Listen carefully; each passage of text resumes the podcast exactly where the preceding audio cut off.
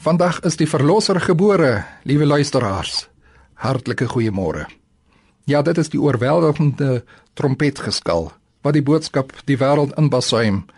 Vandag is vir u die verlosser gebore. Nee, die vandag verwys nie na die 25ste Desember nie. Ons weet mos nie presies op watter dag van die jaar die Here Jesus in die wêreld ingekom het. Sekere Christene gedenk die geboorte van Christus op 6 Januarie maar ons weet verseker dat hy gebore is. En die vandag van telkens plaas wanneer God in die wêreldgeskiedenis ingryp en sy heil na die skepping toe bring. Verbasend vir my is dat die Here ook nie eers mense gevra het, is julle nou gereed? Het julle jul inkopies klaar gekry? Is al die versierings opgesit? Nee, God van hemel en aarde kondig eenvoudig aan: Hier is ek.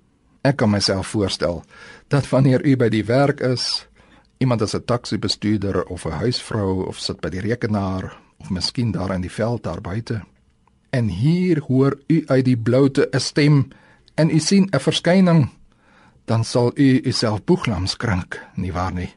So iets gebeur eenvoudig net nie alledaags nie. Totaal onverwags het die boodskap uit die hemelruimte ook die herders op die oop velde getref soos ons in Lukas 2 lees, toe 'n engel gestalte aan hulle verskyn het. Ek lees vanaf vers 10. En die engel sê vir hulle: Moenie vrees nie, want kyk, ek bring julle 'n goeie boodskap van groot blydskap wat vir die hele volk sal wees dat vir julle vandag in die stad van Dawid gebore is die saligmaker wat Christus die Here is. En dit is vir julle die teken julle sal 'n kind vind in doeke toegedraai en wat in 'n krib lê. En dit is die boodskap wat al meer as 2000 jaar lank in die wêreld ingestuur word. Sommiges gee gehoor daaraan en gaan verder op soek. Ander sal net wonder wat gebeur het en dan met hulle dagtake aangaan. Maak dit saak wie die boodskap bring? Nee. Wat wel saak maak is dat u verder op soek gaan.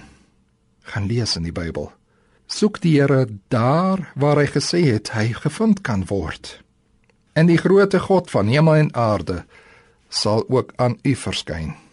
Nie oorweldigend met weerligstrale en oorverdowende musiek nie, maar klein en nederig, onskynbaar, soos 'n babatjie in 'n hospitaal of in hierdie geval nog meer weggesteek, 'n baba in 'n stal. Here, u begin om die hele skepping te verander was klein En nederig vra ek: Wat het gebeur? En u antwoord: Vir jou is ek gebore. Die kind van Bethlehem is my geskenk vir jou. En ek antwoord: Here, dis rede om fees te vier. Dankie, Here. U vir my. Amen.